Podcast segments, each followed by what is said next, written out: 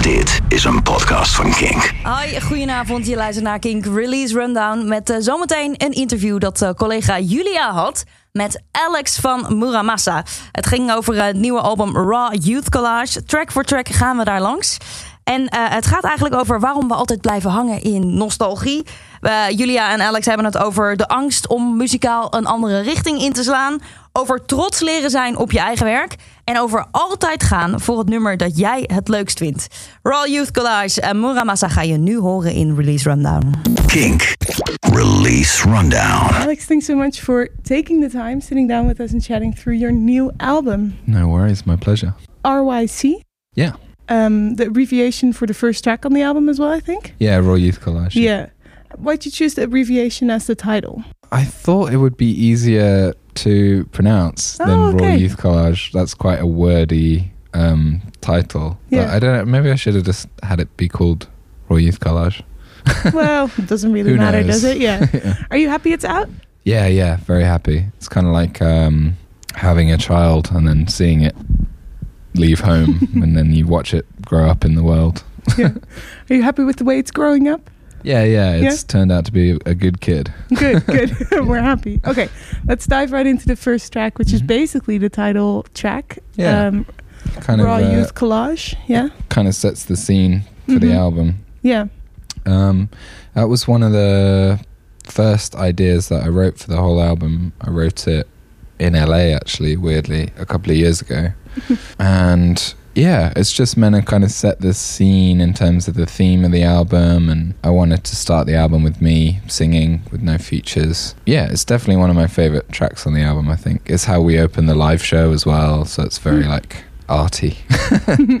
How would you say? Because you say it kind of sets the theme. What would you kind of communicate the theme as? I guess it's about well to go to go back a little bit when i started writing the album i wanted it to be about nostalgia and kind of why why people tend to lean on the past to sort of feel um, feel happy or as a bit of an escape from what's happening now Mm. um, and I just noticed that like a lot of people my age and kind of around my age, they really enjoy things that feel familiar and nostalgic. Like there's a lot of films right now that are reboots and uh, there's a lot of people watching old cartoons now and like sort of there's a lot of memes online about like oh Everything was better. Yeah. yeah you're not a 90s kid if you don't Yeah. remember whatever this is Yeah. um, and I was really fascinated by that because I am like that. Uh, Mm. I spend a lot of time watching old movies and trying to dig stuff up from when I was a kid and kind of get that kind of hit of nostalgia. So yeah, I just wanted to explore why why it is that we do that, whether it's a good or a bad thing. Um, so yeah, the the first track on the album just kind of sets that up and uh, talks a little bit about that. Are the because it's you singing? Mhm. Are the lyrics based on memories you've had? Yeah, or, or feelings that I was feeling at the time. Um, there's a lot of stuff about like, oh, that house isn't mine anymore, and things like that, because I just uh, moved out of my childhood home and we sold it. So that was quite a like, was feeling disconnected from Yeah. something that was nostalgic for me. Yeah, it's a very, it's quite a personal song to open the album with. Yeah. But I thought it was cool to have that right at the start just to establish the tone of the album and to open it with um, guitar as well. I thought was really important because that's that's a big part of the album that's different from stuff I've done in the past. Yeah, it's got that guitar centric sound. Mhm. Whereas at the same time, it's still, I can't quite put my finger on it, but it's almost like the music is kind of like, you know, when you're underwater and you can't fully hear it? Yeah, yeah, That's kind of the feeling that you get when you go into it, where it's, yeah. It's meant to feel like dreamy or kind of like Yeah. not sort of like a half remembered memory or something like that. There's a lot of moments like that on the Hmm. album. okay, well, let's listen to it. The first track is called Raw Youth Collage. Love to listen to it.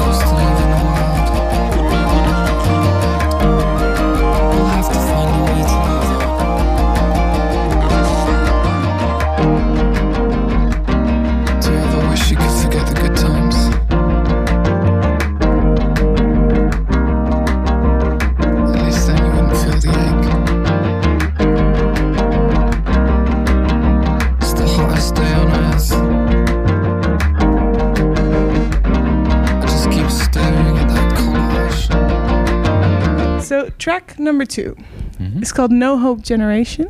No, it's not, is it? That's what I have. Oh, do you know what? I'm getting confused because With the live yeah, with the live Oh, set. what's the second track on the live set? it's the Clairo one. I don't think I can do this Oh, again. Okay, that's track number three. Is No Hope Generation the second track on the album? I believe so. That's crazy. Let me check now. Now I'm doubting myself. Yeah, I'm- yeah, it's track number two. Is it? Wow, Yeah. that's crazy. Okay. I don't know if I would do that again if Why I got not? to. I don't know. Maybe it's just because of the live set because that's now like cemented in my Hmm. head.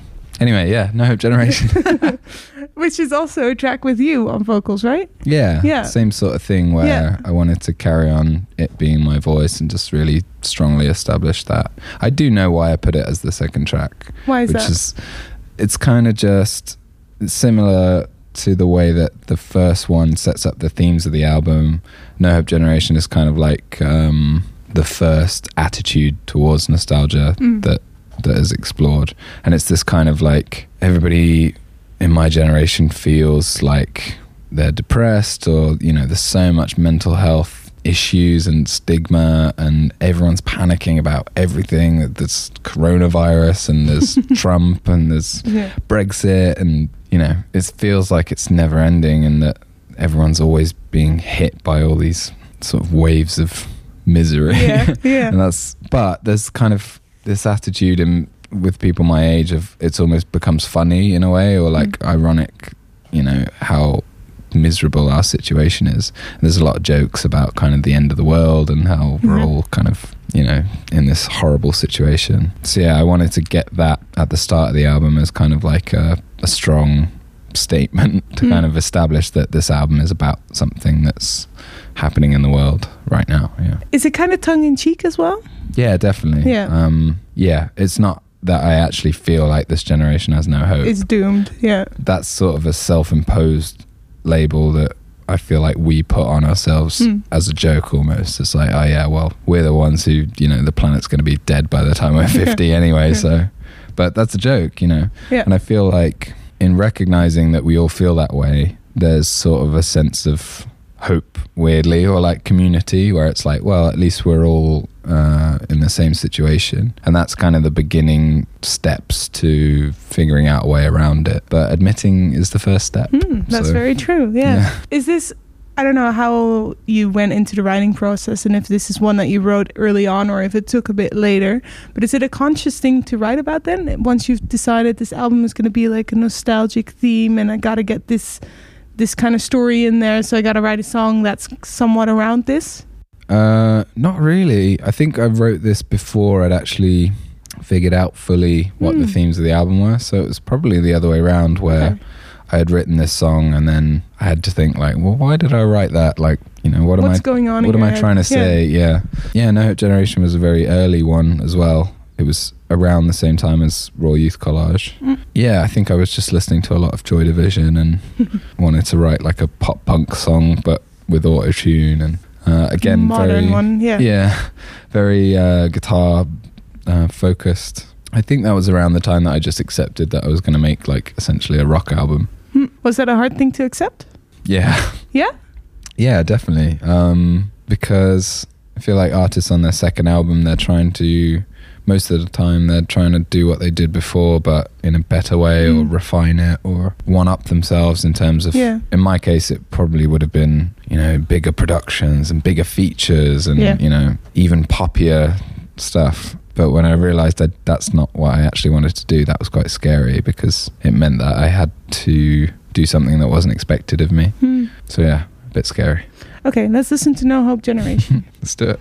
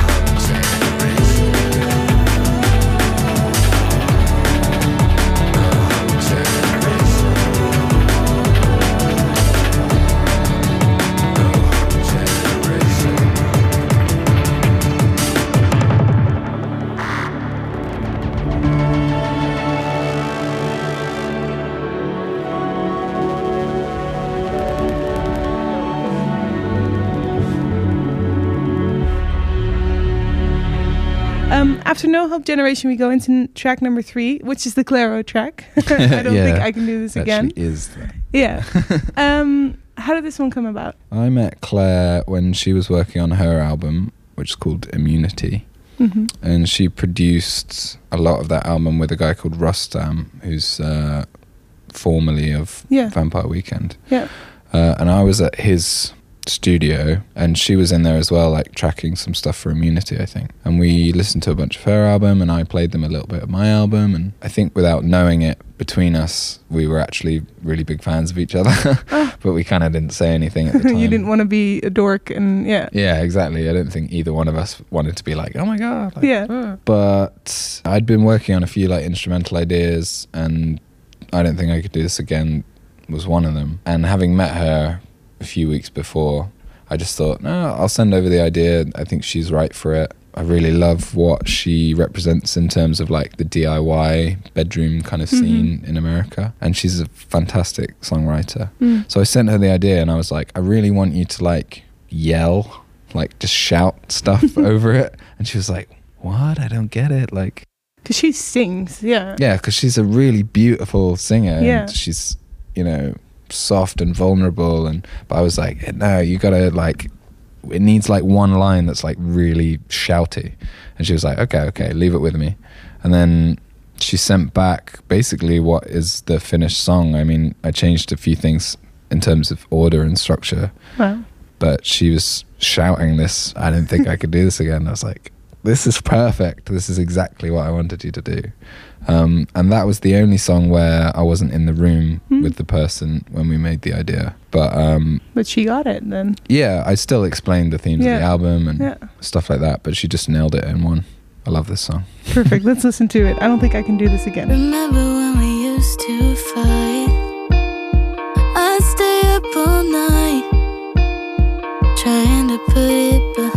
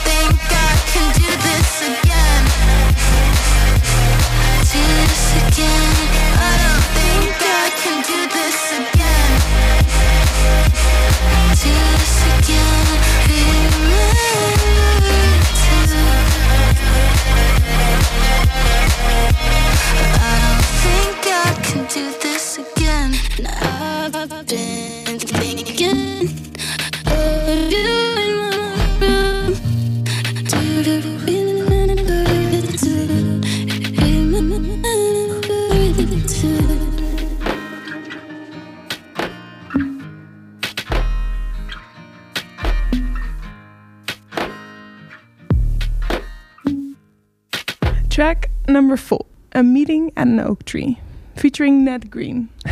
we got to put that in there. Ah, Ned. Um, Is he a friend of yours?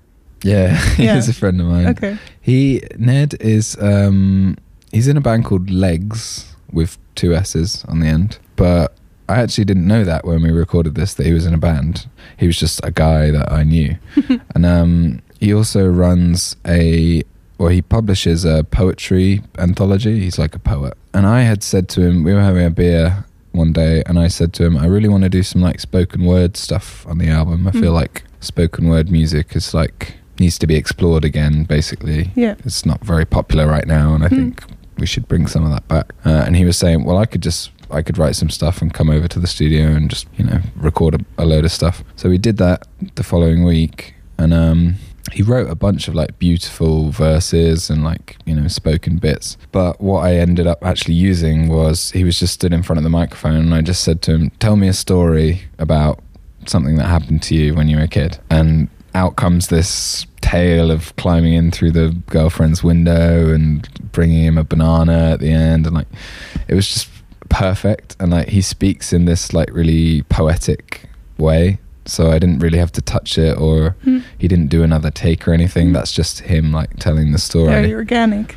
yeah Yeah. and then with this kind of like uh emo like looping tape guitar under it Did you add that after? or Uh, did you have it lying around already? he recorded to it. I was sort of playing it under Mm. him, and like you know, yeah, very organic moment on the album. That's really funny how it came to be, but that it suited the theme so well that he came up with a story that actually really. Yeah, yeah. Yeah. Well, again, this is after like discussing. Yeah, it was but about and still. stuff. Yeah. But yeah, it was he could have come out with a boring story, and this is actually quite a quite a funny story. It hooks you in. yeah, yeah, Let's listen to the story. sure. Are we on? Yeah. So, met when we were 16, eventually broke up when I was 21. I'd come round to hers at 2 or 3 a.m. and climb up the living room window to get to her bedroom window. She said her dad wasn't in, went into her room, and then about two hours later, when I was inevitably completely naked, we heard a knock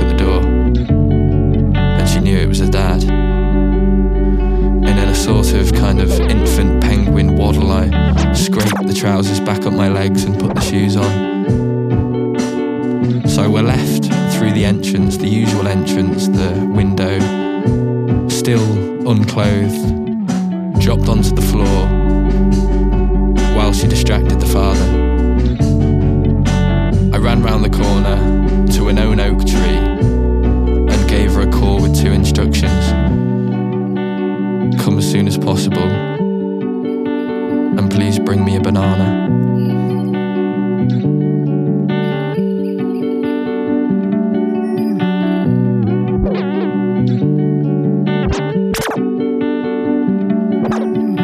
And her dad never knew. Track number five. Deal with it. With, With it. slowthai. That's the one. You have to say it like that. Deal with it. Sorry. Deal with it. I think slowthai does it better, but you know, Yeah, he's the king. he's the best at that. How did this track come about? Um, this one's another funny story. Obviously, I'd worked with Ty before on his album. We did a track called Doorman. So I was already pushing him to do more of like a punk thing than more of a rap thing. And I don't think anyone had really seen that potential in him before. So I was kind of like egging him on to do more punky stuff and things like that. And then I was with my girlfriend on a beach somewhere, taking a, a break. And we were listening to a song called Peaches by the Stranglers. Do you know Mm. that song? Yeah, yeah, yeah. And um, that song has this kind of, you know, strolling along, mind my own business. It has this sort of talking delivery, Yeah. and it's real slow and chuggy, and but it feels so punky, and not in a kind of leather jackets, safety pins way, but in this, Attitude. yeah, in the kind of uh, counter countercultural way. Hmm.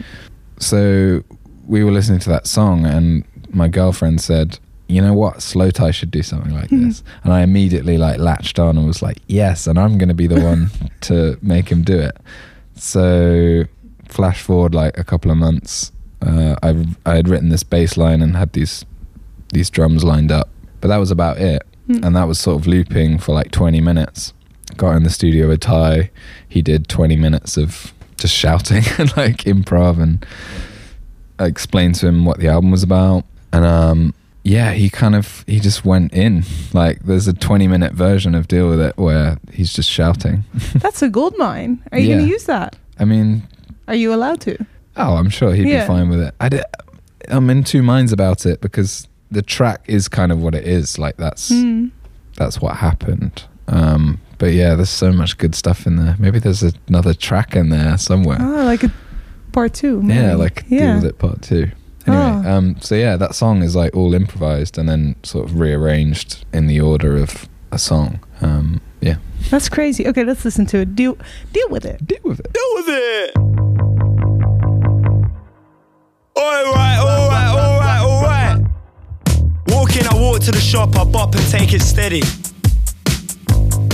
Fighting with my sisters in the house, she's on the couch, she don't move much. I got tea in my hand and I'm trying to do stuff. I woke up, I slept and woke up again. Deal with it. And this life didn't ever fucking change. Deal with. I went to the pub and asked for a pint for three quid. Deal with it. He said it's a fiver, well that's gentrification, you prick. Deal with it. Walking back through my old estate. I see my mates that ain't my mates and they don't wanna say safe. They say you've changed. Fuck, deal with it. One, two, three, four. Deal with it.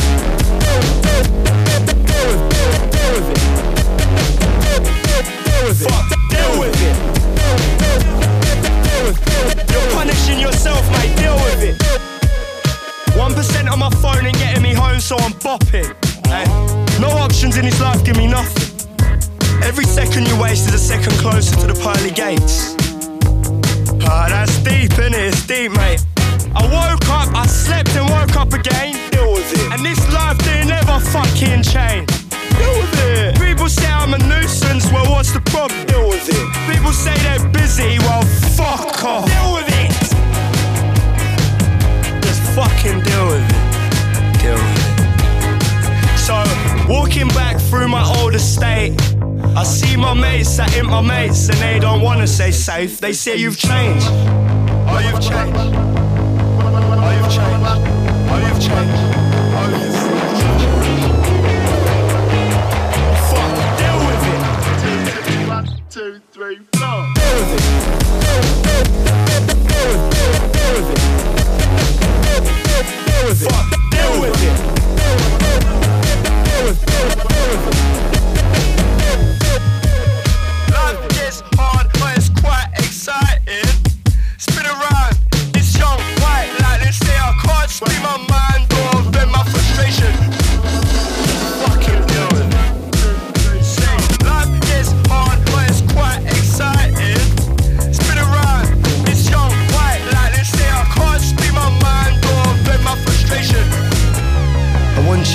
change anything. So, walking back through my old estate, I see my mates that ain't my mates, and they don't wanna stay safe. They say you've changed. Fucking deal with it. Deal with it. Play music. Dit is Kink.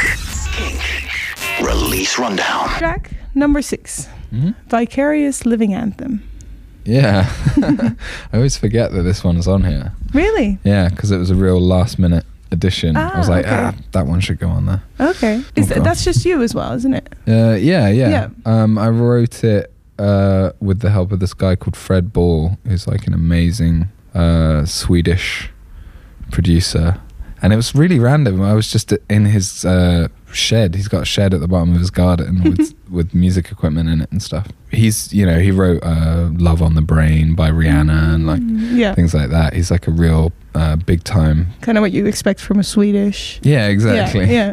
Uh, but the loveliest guy in the world. I really love him. I was explaining to him that I was doing this sort of punk thing. It was more guitar-y, and he just sort of said in his lovely Swedish accent, he was like, "Why don't we just do it then? Let's do it." And he sort of handed me a guitar, and he was like, "Let's make something," you know, like. And we were messing around on synths and kind of. Uh, and then he handed me the mic, and he was like, "Just go for it. Like, just do."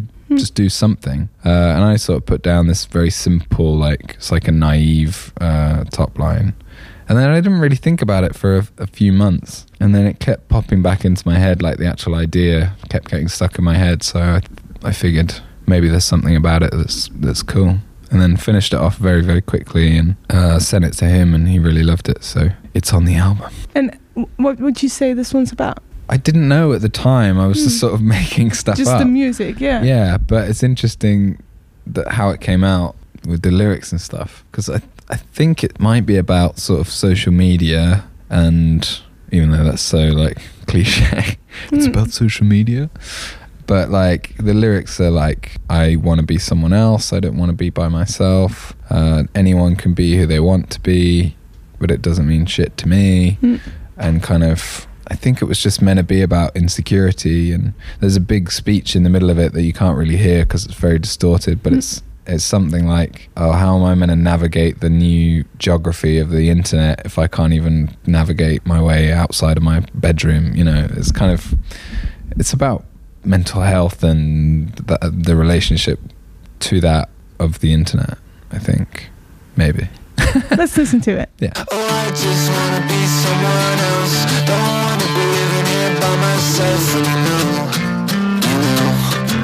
Oh, I just wanna be someone else. Don't wanna be living here by myself anymore.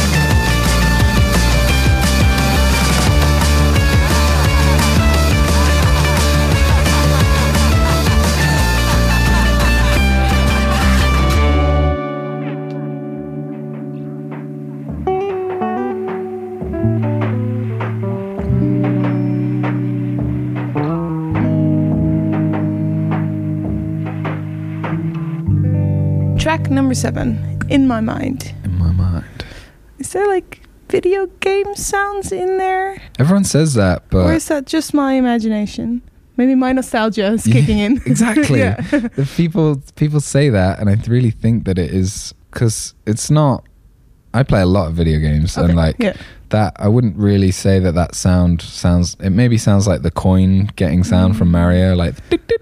Yeah, maybe. Um, but yeah, that wasn't that wasn't the intention at all. Um, it was just meant to be like um, talking about how people are nostalgic for things that they didn't even live through or weren't around for. Mm. Like I feel quite a nostalgic connection to like the sort of late '90s rave scene. Mm. But I was born in 1996. like it's impossible for me to have ever experienced that or have any idea what it's even about Mm. but because of how the internet works, you're able to sort of tap into other people's feelings of those events.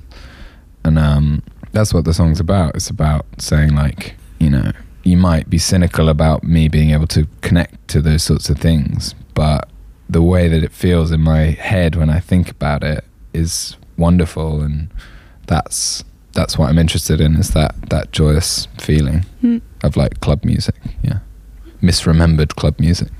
That's so funny that you did you consciously write it about that or were you just writing this song and then realize hey this kind of connects with the feeling I have I wrote it. I think this one was much more of a decided like topic. this is what it's about Yeah, and it was meant to feel kind of psychedelic and kind Mhm. of like um, bit trippy, a bit dreamy. so maybe have people come back to you and said that they understand the way you're feeling do they feel the same are you an, a lonely wolf in this scene Uh, I don't know. I haven't really had many interpretations back about that one. I think Okay. people are still living with the album. To be honest, hasn't yeah been fair out, enough Hasn't been out that well, long. if anyone's listening to this and they have an interpretation Hit me up. and let you know yeah I would be curious to hear okay let's listen to In My Mind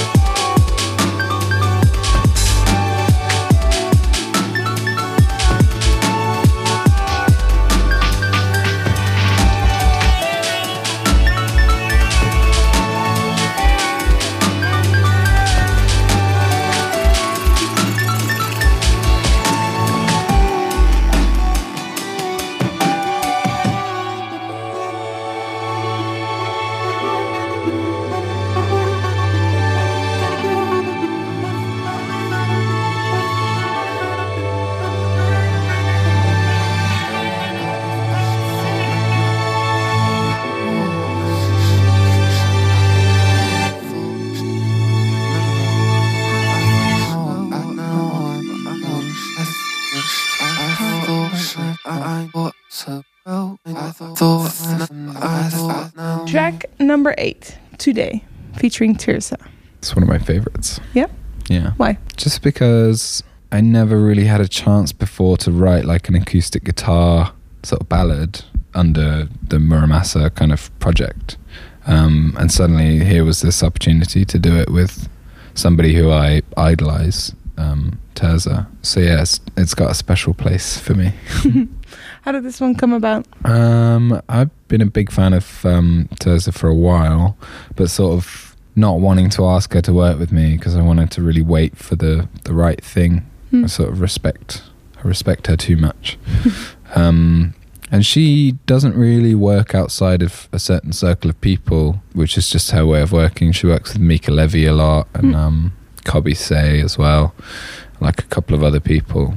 Um, so it was a blessing that she uh, agreed to be on the album. This one was a bit more abstract. I kind of explained the themes of the album, and I just really wanted her to interpret them. Um, and it was from a bit of a different perspective as well because she's got a child, Mm. and she's just of a little bit of a different age than uh, the rest of the guests on the album. Not to say that she's old; she's you know really young, but Yeah. she just has a bit of a different life experience. Perspective, yeah. exactly.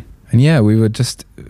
She was just improvising uh, lyrics and little melodies and, and things for probably no more than like 10 or 15 minutes. Mm. And then I kind of took that away and chopped it into a song. Have you heard her feedback? Did she enjoy it as well? Yeah, yeah, she Good. she loves it. We I always do that with songs. Yeah. I always um, Fair enough. I always bounce it off the person and uh, make sure that they're fully on board with it.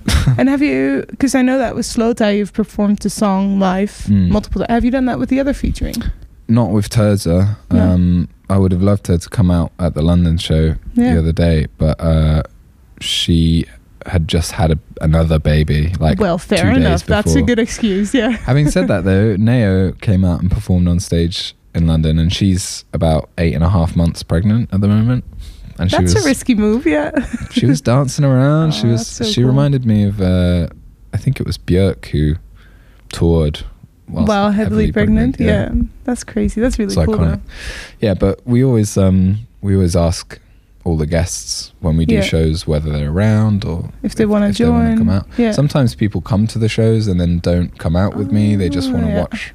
cool like- as well. Last night, um, Ellie Rowsell was there from Wolf Oh, Alice, cool. but she didn't sing. She was just watching. Just wanted to see the show. yeah, yeah. And uh, Christine, Christine the Queens has come to watch the show, but not done the song. That's cool though. It really, it's up to them. Like Yeah. some, some people don't want to perform. Yeah, they want a night off and they just want to enjoy the show. Yeah, Yeah. exactly. And it's Fair interesting enough. for them to see the songs performed by someone else. Yeah. Okay. Yeah. Uh, let's listen to Back to today. yeah, sorry. let's listen to today.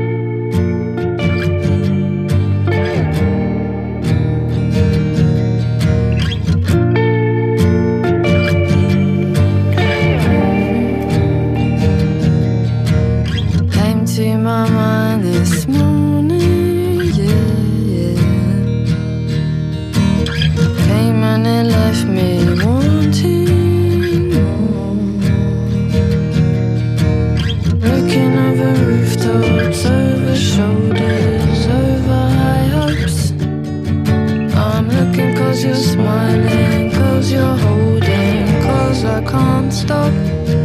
We take flight together, you and us together. But you shook me,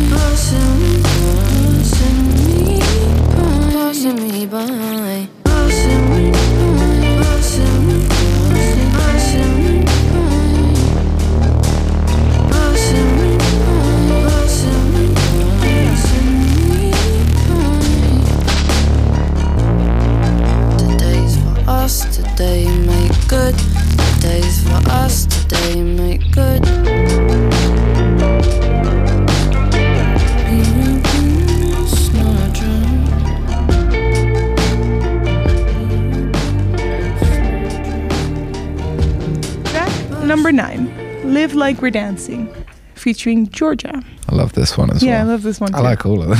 Yeah, but that's a good thing. I'm glad you do. And Yeah. that's not true of everybody's uh, albums. I think people put songs on albums for the wrong reasons, or people tell them like, Oh.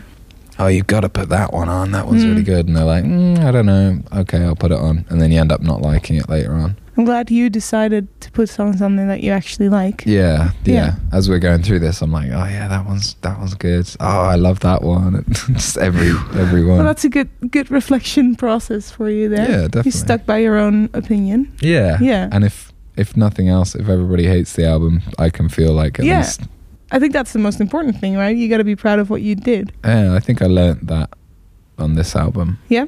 Yeah, definitely. Not that I don't like the old album, but Mm. this one feels much more personal and kind of risky and a Mm. bit more, well, I'm doing what I want. Yeah. Anyway, uh, Live Like We're Dancing. Yeah.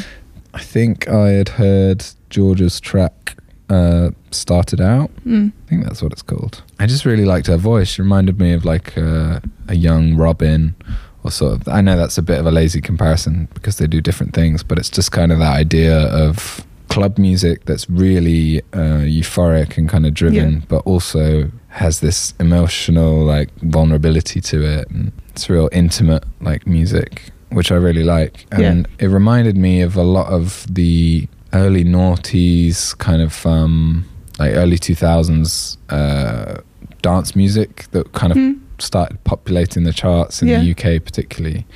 So like a lot of French house stuff, Mm. Daft Punk, Mm. like um, the kind of whole um, clubland movement. I don't know Mm. if you had Yeah, that. yeah, in- yeah. Yeah. Uh, kind of Eric Prydz and these figures, and we children, I were talking about our nostalgia for that stuff. we realised that a lot of the the big bangers from that era just kind of revolve around one lyric that's Mm. sort of like an empty Yeah. platitude. a of- very broad state. Yeah. yeah, it's Yeah. so broad as to almost be Yeah. meaningless. Yeah. But it gets you. It's you know it's so relatable for that reason. Like Eric Prydz has you know like call on me. You know like Yeah. what does that mean? But it doesn't matter. It feels great. Like so, live like we're dancing. That lyric was kind of my version of that, Mm. where it sort of doesn't mean anything, but depending on how you feel, it can mean everything, and it can become this like euphoric um, thing. So that was the inspiration behind the Mm. track. And this one was one of the ones that we worked on a bit more actually in terms of songwriting. Like we sat together a couple of times and really tweaked every word and kind of every phrase. And is it baby or is it honey? Or, Mm. you know, like Mm. really went in The details. the fine details. Yeah. That's great. Let's listen to the end product. Live like we're dancing. Keep searching to know we belong.